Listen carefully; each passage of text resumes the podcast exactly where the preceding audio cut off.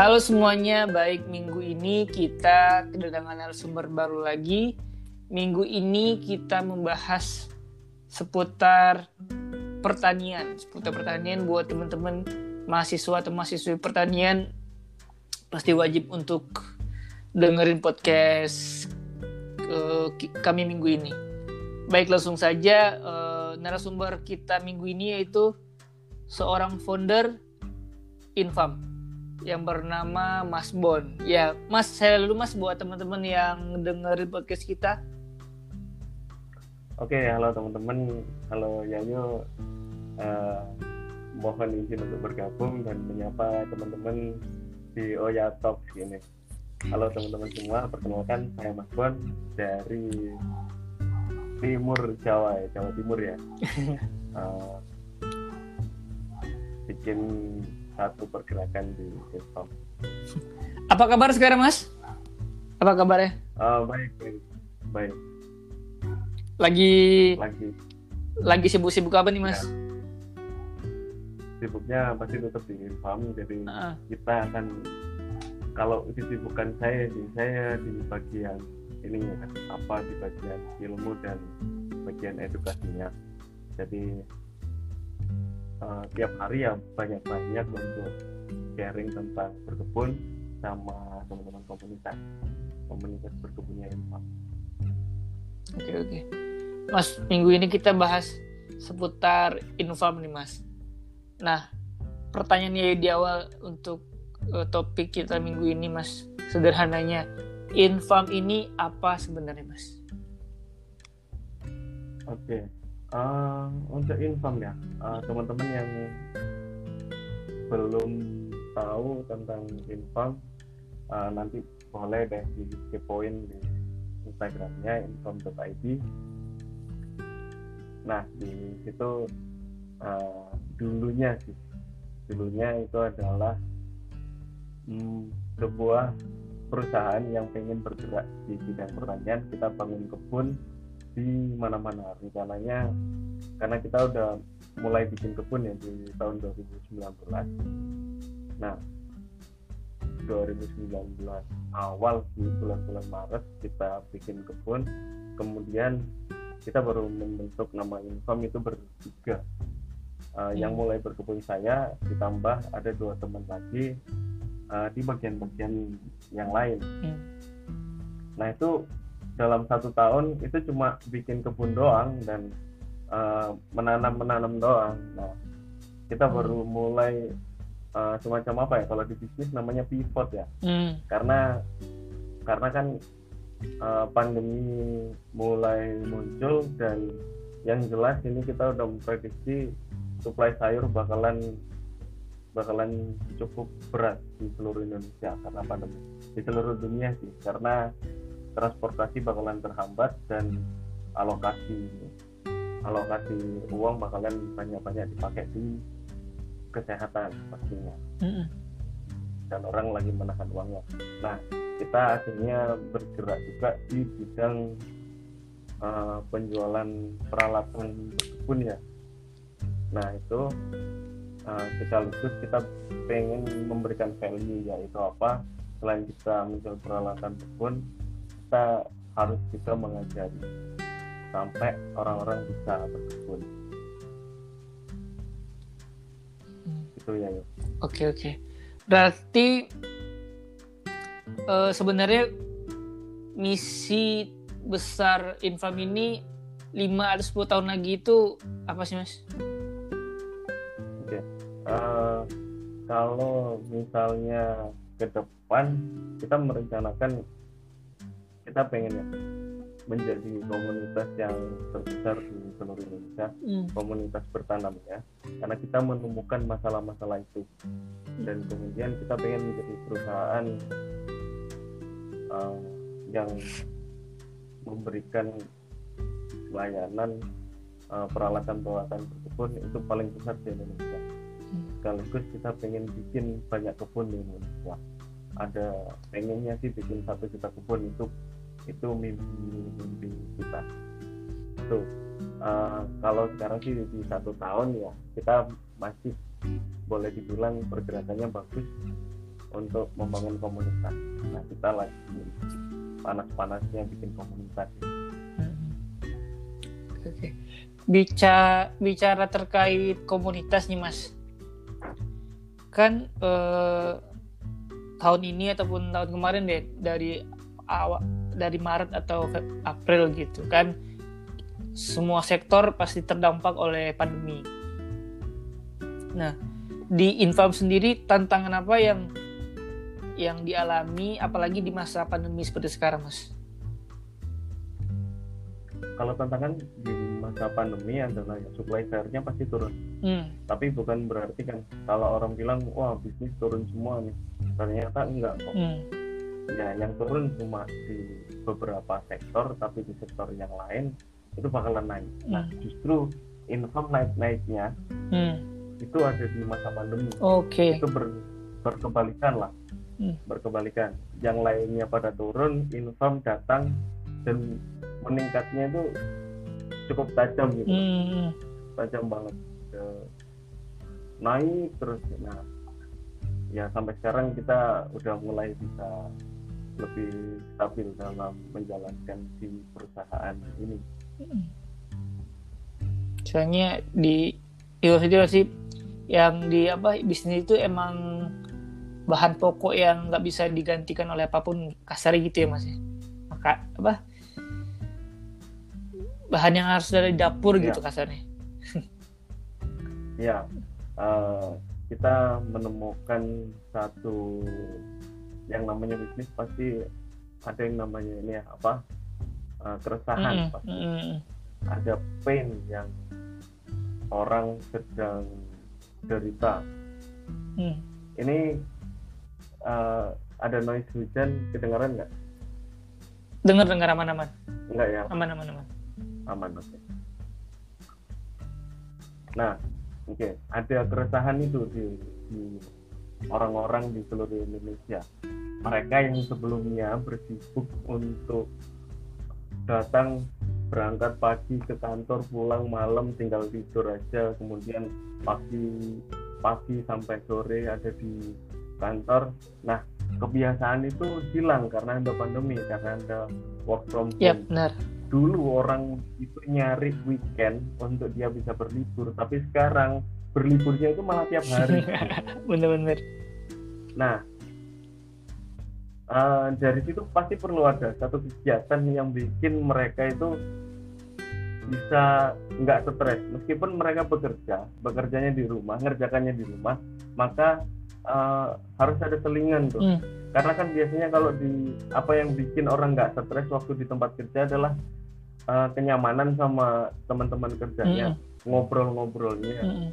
itu yang bikin orang terus-terusan ya di sinilah eh, kenyamanan itu karena ada obrolannya ada bercandaannya. Nah kalau di rumah bercandaannya sama keluarga. Hmm. keluarganya nggak terlalu banyak. Kalau dulu sih anaknya bisa sampai 5, 6 maka rame Hmm. rumahnya. Nah sekarang sama tetangga aja dibatasi. Dan di rumah anaknya cuma satu. Nah itu permasalahan-permasalahan itu kita menangkap. Hmm. sehingga akhirnya uh, kita menawarkan satu kegiatan baru. di rumah masing-masing yaitu Oke berkebun. benar. Maka ayo berkebun uh, kita kasih segala kebutuhan untuk berkebun langsung kita ajar. Nah itu Uh, kebetulan antusiasnya antusiasmenya tinggi banget kita uh, melihat wah iya emang banyak yang pengen berkebun sebenarnya Hmm. cuma permasalahannya mereka nggak ngerti gitu. Berarti secara mayorit Nah, may- mayoritas itu banyaknya ibu-ibu gitu nggak sih mas bener ya? Apa gimana? ya eh, kebanyakan ada di kalau ini ya kalau demografi ya kalau kita iklan kan pasti kita nunjukin tuh demografinya eh, apa demografinya. Orangnya pekerjaan apa interestnya apa umur berapa nah kita menemukan eh, ibu-ibu muda umur 25 sampai 40 Hmm, lah. Oke. kebanyakan di situ. Meskipun sebagian juga pasti ada uh, bapak-bapaknya ada mas-masnya ada adik-adik Mm-mm. juga. Mereka ikut berkebun tapi kebanyakan pasarnya di sebelah sana. Itu menarik menarik. Berarti secara uh, sebaran ini infam ini udah ada di mana aja mas? Kalau pusatnya kita kita nggak bikin cabang Hmm. kan. karena kita full online oh, oke. Kita baru merencanakan. Kita baru merencanakan bikin offline store itu di pertengahan tahun nanti Oh, oke. Karena ya perusahaan lagi nabung untuk untuk bikin satu nursery dan uh, tempat kita buat menciptakan kebunnya dan mengajar tempat belajar orang-orang berkebun nah itu ada apa? Nah untuk sekarang kita cuma uh, online ada di mana? Pusatnya di sidoarjo Jawa Timur. Kadang sih ada orang datang sini belajar tapi kita uh, lebih banyak untuk lebih baik ke online aja kalau belajar. Toh kita juga nggak live sering live di Instagram kita juga uh, sering upload juga kita mulai mulai YouTube dan mulai TikTok untuk terus-terus mengajarkan gitu dari apa dari kelas online-nya itu eh, kan paling jauh itu ada yang dari mana mas? Uh, kita lebih merata di seluruh Oh, Indonesia iya. Uh, karena kita pengiriman kan lumayan Hmm. banyak ya sekitar per bulannya mungkin ada di angka 4.000 sampai 5.000 ya pernah 6.000 kok paket itu ke seluruh Wow. Indonesia Aceh pun Wow. ada sampai Papua ada Sulawesi apalagi itu banyak banget sampai pengiriman itu ada yang sampai setengah bulan atau satu bulan karena kemarin lagi panas-panasnya Hmm. lockdown ya ada beberapa daerah di Sorong mungkin ada di Manokwari itu mereka enggak ada penerbangan atau enggak ada transportasi ke sana Hmm. jadi baru nyampe sebulan kalau nggak salah tapi orangnya tetap sabar Iya, iya, iya. Itu berarti kelasnya eh, gratis apa berbayar gitu mas? ya ah, kalau sebelumnya sih kelasnya ini hanya untuk mereka yang beli paketnya karena itu kelas itu atau tempat diskusi itu untuk yang mereka yang udah pernah beli paketnya. Paketnya mungkin seharga 180 ribu atau 150 ribu gitu ya. Nah di situ kita kasih uh, fasilitas untuk masuk di komunitas. Nah di dalamnya kita berikan banyak-banyak edukasi tuh.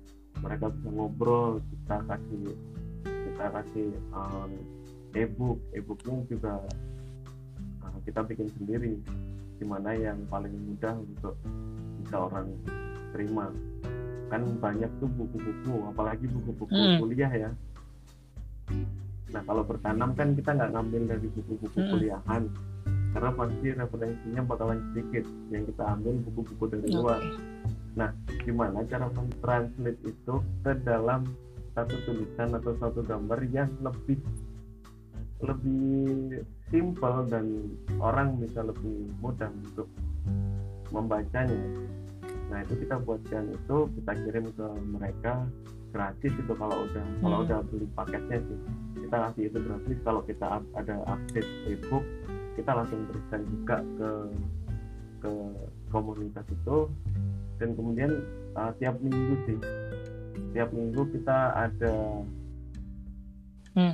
ada ngezoom ya ada ngezoom. Jadi di orang-orang di komunitas itu kalau pengen ngezoom secara apa secara komunikasi langsung Hmm. ini obrolan-obrolan seperti ini orang banyak itu bisa lewat zoom. Atau justru mereka pengen ngezoom itu hanya untuk menunjukkan ini loh tanamanku sudah seperti ini aku harus ngapain? Nah itu kita berikan di zoomnya. Biasanya hari Kamis malam. Oke, nah. Di- fasilitas di, di dalam grup. Kemudian kita juga siapkan uh, beberapa orang dari kita untuk ngebales setiap pertanyaannya nanti grup komunitas. Berarti se- sederhananya kalau misalkan di dipraktekin berarti misalkan ya yuk nih mas. Ya kan nggak ada background pertanian nih. Nah tapi tertarik untuk bergabung gitu. Eh, sederhananya ingin ikut bergabung bisa bisa belajar terus di, di sini kalau misalkan udah udah paham tekniknya gimana bisa itu outputnya bisa jualan juga kan ya? Dari apa yang telah dipelajari itu mas? Oh ya uh, ya uh, jadi emang ya dari banyak peserta atau banyak member yang Mm. udah join ke kita itu ada niat untuk Mm. ngapain berkebun Mm. itu buat ngapain sih ada yang dia itu pengen mengisi waktu banyak ada mereka yang pengen pengen Mm. ngasih ke tetangga tuh banyak ada yang pengen pamer doang ada banyak ada yang pengen ngejualin atau berjualan Iya, iya. sayur misalnya nanam tuh nanam sayur dia jual itu banyak ada yang jual waktu kita ngajari se- sederhana ngajari semai gitu doang orang kan Hmm. bisa melakukan semai setelah itu Hmm. semaiannya itu dijual dijual Hmm. seribuan ada sampai dia tanya tentang dia sampai tanya tentang apa ya tentang eh, nanti transportnya kalau pakai gojek bisa nggak ya eh, ngirim Hmm. semayan nah itu jadi ada Hmm. banyak faktor juga sih dari teman-teman yang udah jadi komunitas dan dia nunjukin ke kita dia sudah berhasil loh jualan wah itu menjadi kebanggaan tersendiri Hmm. Iya. saya. jadi ya yuk bisa loh nanem bisa Eh, nggak usah diperhatikan ah. ini ya apa background ya apa karena ini yo eh, perlu teman-teman tahu teman-teman di Oya Talk ini tahu bahwa eh, sebenarnya background Oke. saya adalah sains wah background iya saya fisika tapi karena emang eh, saya sendiri merasa bahwa sebenarnya Hmm. semua ilmu bisa dipelajari kok nah saya memulainya dari eh, dulu sih karena karena keterbatasan dana atau apa jadi saya memutuskan Hmm. untuk bikin usaha. Usahanya bukan di pertanian sih. Saya saya bikin produksi produksi bendera dulu kalau di di sini. Jadi saya PP sih do eh, PP Surabaya Probolinggo jadi itu 100 kilo itu. Itu hampir tiap hari pulang pulang pergi cuma buat bikin bendera. Itu untuk usaha sih. Dulu backgroundnya emang usaha. Kemudian sampai kuliahnya keteteran uh, kemudian muncullah itu bidang nggak apa-apa mas ini nggak apa-apa ya bisa iya. ini. muncullah Ah. ke bidang akustik iya iya tentang background ini tentang Ah. background tentang bidang akustik saya senang tuh di situ karena mempelajari tentang uh, Hmm. perambatan suara Uh, bukan tentang untuk desain studio studio itu nanti peredamnya di mana aja ada reflektor di mana aja ada resonator di mana aja kemudian seperti sound systemnya seperti apa. Mm-mm. kan itu untuk disiplin ilmunya. Ada fisika Mas. bukan gitar ya. Tapi itu ilmu tentang tentang suara di dalam ruangan. Nah kemudian eh, ada yang bikin saya merasa hidup kok kok eh, seneng ya di bidang ini. Ternyata bukan karena akustiknya ternyata ya oh. tapi karena berbagi. Iya iya karena berbaginya karena dari situ aku bisa memberi terus memberi kalau misalnya ada teman-teman yang Hmm. teman-teman di kampus jadi eh, pernah ngisi itu untuk seminar di akustik itu eh, aku yang ngisi karena eh, ada keresahan sih kenapa kok selama ini ilmu-ilmu itu nggak tersampaikan dari dosen Hmm. ke mahasiswa dengan baik ada permasalahan di situ kadang orang dosen menjelaskan kok nggak banyak kok yang dengarkan nggak banyak yang paham. Ternyata bukan masalah dia itu berilmu atau enggak tapi bisa nggak menyampaikan Hmm. ke seseorang. Nah seperti itu. Karena eh, saya merasa bahwa ini harus diperbaiki. Nggak bisa kalau ilmu dijelaskan dengan cara-cara Hmm. yang konvensional seperti zaman dulu. Nggak akan masuk. Nah, akhirnya eh, bisa tuh jelasin ke teman-teman tentang bidang ini. Sampai eh, kan itulah di, lumayan dipercaya sama dosen dulu sampai diajak setiap proyek.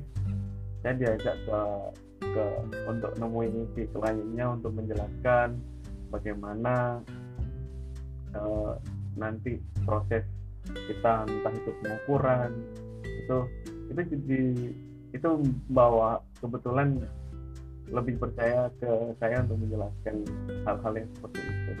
Nah, uh, waktu lulus kita pengen hmm. bikin hmm. sih usaha di bidang akustik tapi karena ini kayaknya nggak bisa karena kemampuan kita untuk kemampuan saya untuk bikin usaha itu nggak masih belum sekuat itu saya bisa bikin usaha yang lain tapi untuk ini saya masih secara menyeluruh dunianya hmm. saya masih belum hmm. paham sistem bisnisnya saya cuma paham ngasih ilmunya okay. tapi bisnisnya belum ngerti nah dari situ mulai ganti bidang nah ketemulah si bidang di pertanian hmm. ini karena karena berawal yeah, yeah, yeah. karena dari hidroponik ya karena yang aku tahu iya, iya. hidroponik yeah. itu sains banget loh dan uh, ilmu yang sangat menarik untuk dipelajari. Ini ilmu pastinya pertanian. Kalau kita semai hmm. itu kita lempar ke tanah ya, ya. Kita lempar ke tanah kita nggak tahu seberapa dia bisa bertahan tanamannya apakah bisa tumbuh atau enggak. Dan gimana sih kok bisa tanaman itu kok bisa tumbuh. Nah kalau misalnya kita berbicara hidroponik maka kita hmm. berbicara tentang kepastian karena di situ ada sainsnya ada efisiensi ada teknologi yang bikin sesuatu itu kalau misalnya kita pengen panen sekilo ya hmm. sekilo gitu asal asal cara nanamnya benar nah hal ini yang uh, dipadukan dengan keingin keingintahuan hmm. orang-orang untuk bertanam maka saya memilih di bidang ini. Uh, ternyata banyak kok antusiasmenya. Hingga orang berpikir oh dengan cara penjelasan yang seperti ini ini bagus dan bisa dimengerti. Meskipun materinya itu dalam banget atau terlalu jelimet kalau orang biasa dengerin tapi saya ingin mentranslate kenjelimetan itu menjadi penjelasan yang uh, cukup sederhana. Iya, iya. Ini jujur ya cukup tertarik mas kalau kalau sejujurnya. Iya apa ya sederhananya ini dalam perspektif aja mas ya. Dari apa yang mas uh, ceritakan juga kan. Ini ya secara pribadi gitu kan. Ya kalau misalkan ikut join gitu kan minim, minimal uh, apalagi ma masih muda ya dulu dulu juga punya bisnis kan mas. Tapi dari cerita mas itu ya mikir awal kalau misalkan uh, ya you join awalnya kalau misalkan nanamnya benar minimal ini yang tahap tahap awalnya uh, bisa ngambil sendiri gitu. Misalkan mau buat apa di rumah kan nggak nggak usah beli ke nggak usah beli ke pasar lagi gitu kan. Tinggal ambil kayak di, di film apa gitu ada gitu temen cerita kan film apa kalau misalkan mau masak apa gitu diambil. Nah tahap tahap selanjutnya kalau udah kayak gitu baru tahap bisnisnya mas. Uh, bisa uh, bisnis dari rumah kan itu eh, ini kalau ya boleh jujur ini info ini prospeknya sangat luas ya mas ya. Jujur. Dari rumah kan ibu-ibu bisa juga sambil ngurus anak gitu kan. Sambil bisa jualan online dari rumahnya per per kota per kabupaten per kecamatan apa mungkin gitu kan. Iya sangat. Yeah uh. Uh,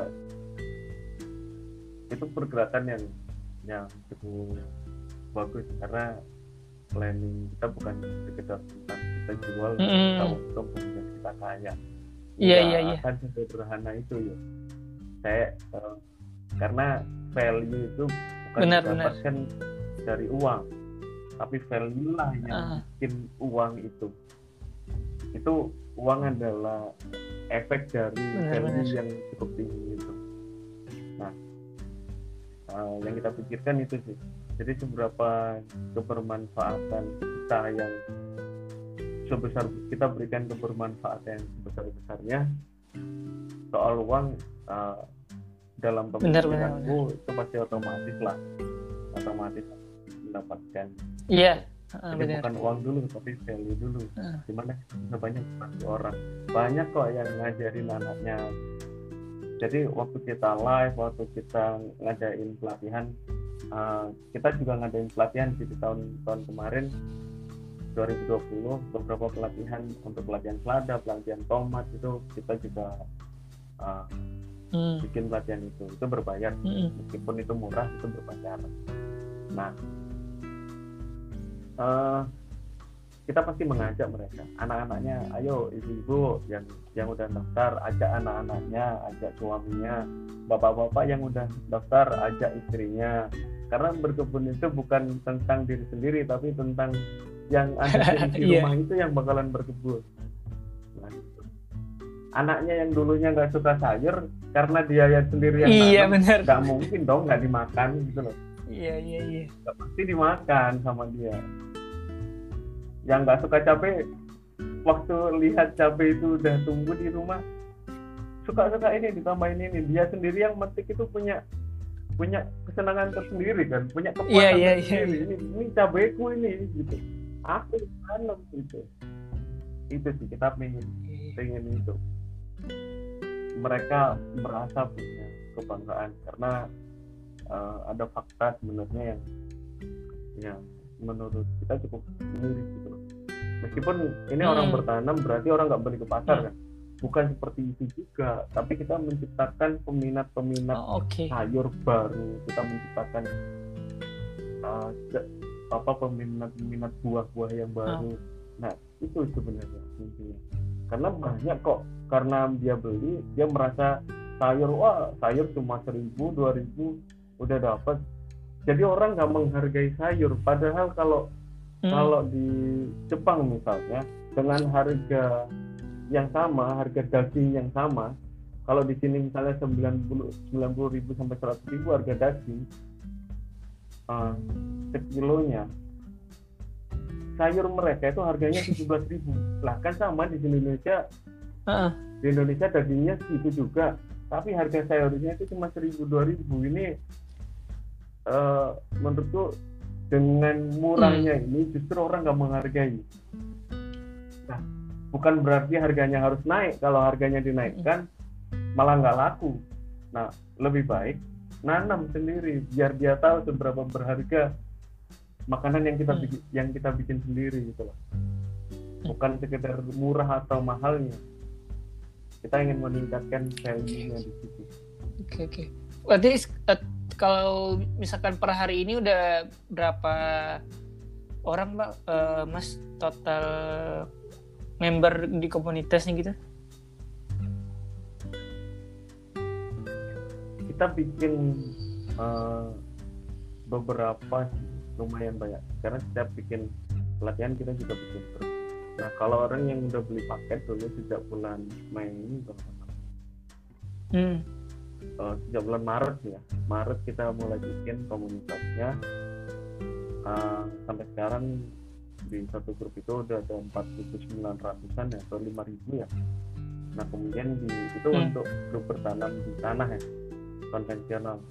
Nah kemudian ada kita bikin satu grup lagi itu wow. udah 1.300 lah. 1.300 atau 1.290 lah gitu. Itu jadi uh, dua itu yang paling utama. Kemudian kita bikin bikin beberapa komunitas lagi ada grup-grupnya lagi itu kan grup itu kan ada di telegram. Nah kalau di grup di whatsapp juga ada. Itu ada beberapa masing-masing paling enggak isinya 100 atau ada yang 200an kita balesin tuh semua pertanyaan yang ada di sana. Kalau perlu jawaban yang uh, lebih uh. lengkap baru kita bikinin videonya.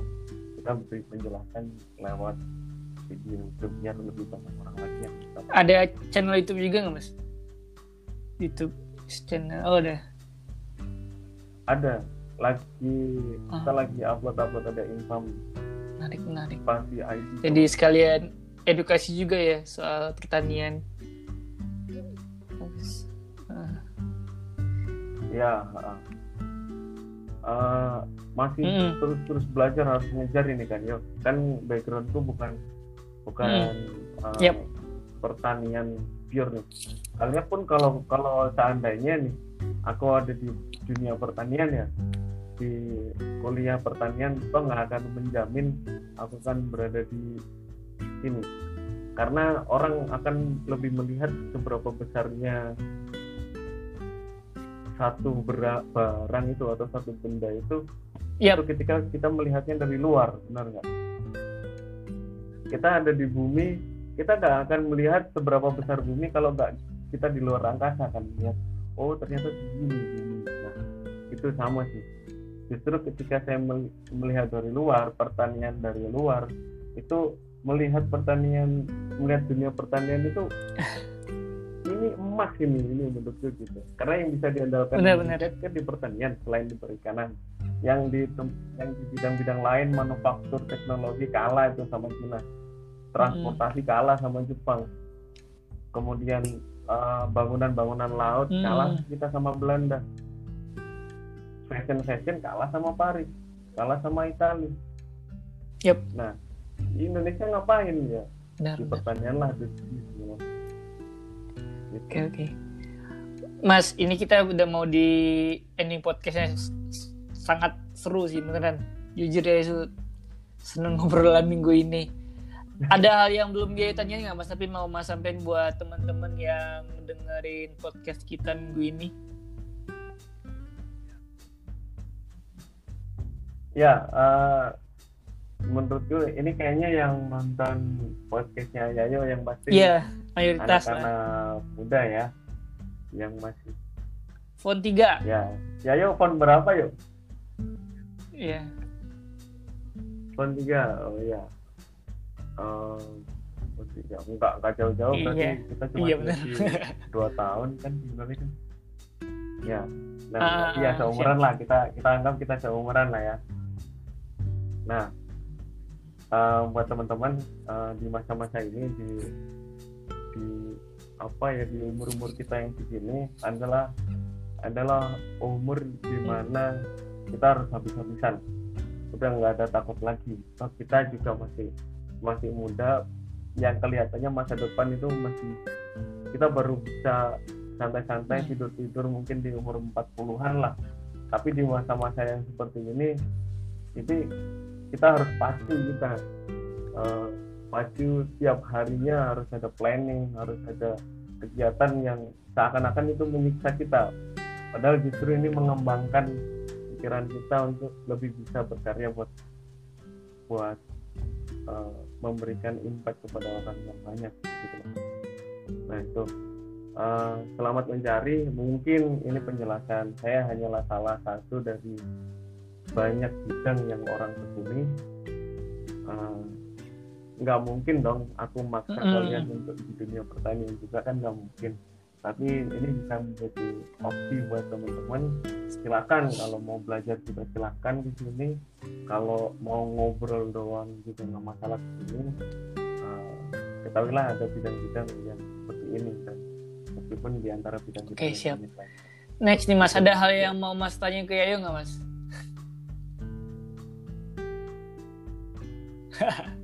ya aku tanya Iya, kabar doang yuk ini aku dikasih tahu Ira kan Dari Kak Ira. Ini Yaya tahu info dari mana yuk Ah, dari Kak Ira. oh Iya benar, yang iya yang benar. merekomendasikan Yaya lagi itu turun ke lapangan kan Mas untuk penelitian skripsi kan, untuk Oh. skripsi gitu kan. Terus sama Kak Ira terus Yayo nanyakan Ah. ke ada rekomendasi nggak Kak buat eh, untuk ngobrol inspiratif atau ngobrol-ngobrol santai di podcast kan. Terus Iya. kata Kak Ira ya eh, sama teman kakak infam hah? Infam apa, apa kak? Ya kan nggak tahu kan? Kak Ira bilang masa nggak tahu? Masa ya nggak tahu katanya. Ya nggak tahu kamu Ah. gimana gitu kan. Ini eh, banyak loh orang yang tahu ini ini, ini. oh ya kak. Kalau ya eh, apa? Ya mau tuh kak. Apalagi kalau misalkan di secara pribadi nggak tahu kan jadi lebih apa ya mas ya? Lebih penasarannya lebih dalam gitu ya pertanyaan salah atau benar tapi emang ya benar. nanya apa adanya aja gitu nggak? Kalau udah tahu di awal kan pasti kayak wah kayak kayak gimana ya? Kayak udah baik aja semua gitu. Nggak ada pertanyaan-pertanyaan yang eh pertanyaan-pertanyaan apa ya namanya? Pertanyaan orang awam yang nggak tahu apa-apa gitu deh. Sederhana gitu Iya. Iya, Ira. Eh, iya iya benar-benar kayak satu juga itu sama cerita Heeh. dulu waktu di berarti sekarang Kayak selfie. domisilinya di sidoarjo gitu mas Jawa Tengah Sidoarjo, bukan ya. eh Jawa Timur Jawa Sidoarjo Timur nggak tahu pasti yuk eh Jawa Timur Jawa Timur Iya iya iya. Belum Selatannya belum pernah sih ke. Oke. kalau di Jakarta Depoknya Siap, gitu lah Ada hal yang mau Mas ah Ya. gimana? Ud- udah kemarin skri- skripsian Eh, berarti ini sekarang, udah Mas, Lagi udah tahap nyusun Mas bab Sekarang. 445 kan. Insya Allah doain aja secepatnya bisa Oh. sidang ya Mas ya. Doain aja.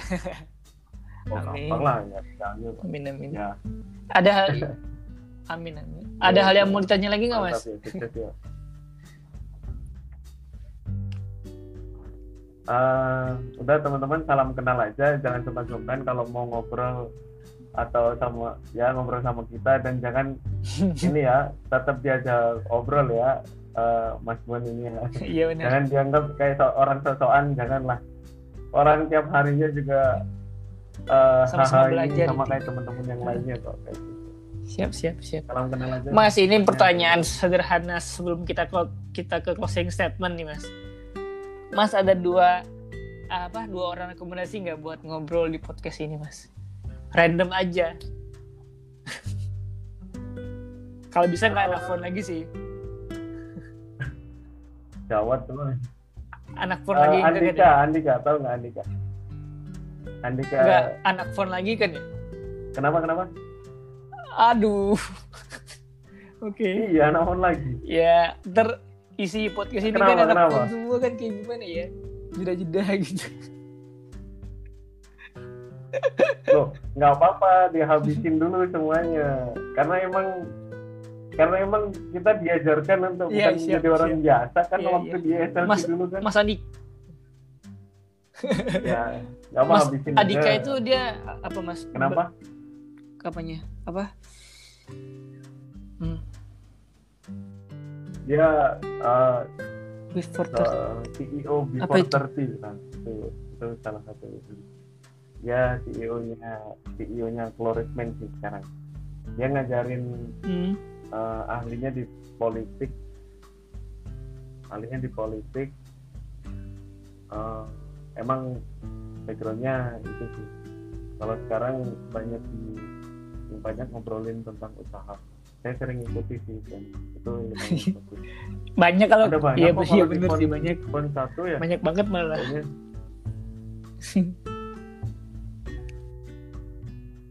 ya, ya, saya terbakar gara-gara mereka kok sebenarnya saya lihat wah nggak sampai Hmm. sampai segitu hebatnya mereka itu Heeh. ya saya Tiap cuma orang punya mengikut mereka aja lah gitu Bagiannya masing-masing untuk menginspirasi ya Mas ya. Saya percaya itu aja. Mas apa namanya dari info bisa berbagi informasi edukasi untuk banyak orang podcast ini juga melakukan hal yang sama dengan cara yang berbeda aja Aduh.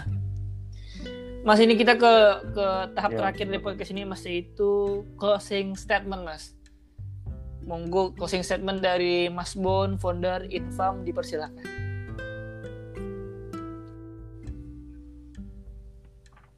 Ah, disclaimer dulu ini Infam dibangun Mm-mm. oleh tiga orang. Saya salah satunya. Kebetulan saya ingin memulai bertanamnya. Ah, dua yang lainnya mereka juga bertanam tapi di di bidang yang lain. Akhirnya kita bergabung menjadi satu.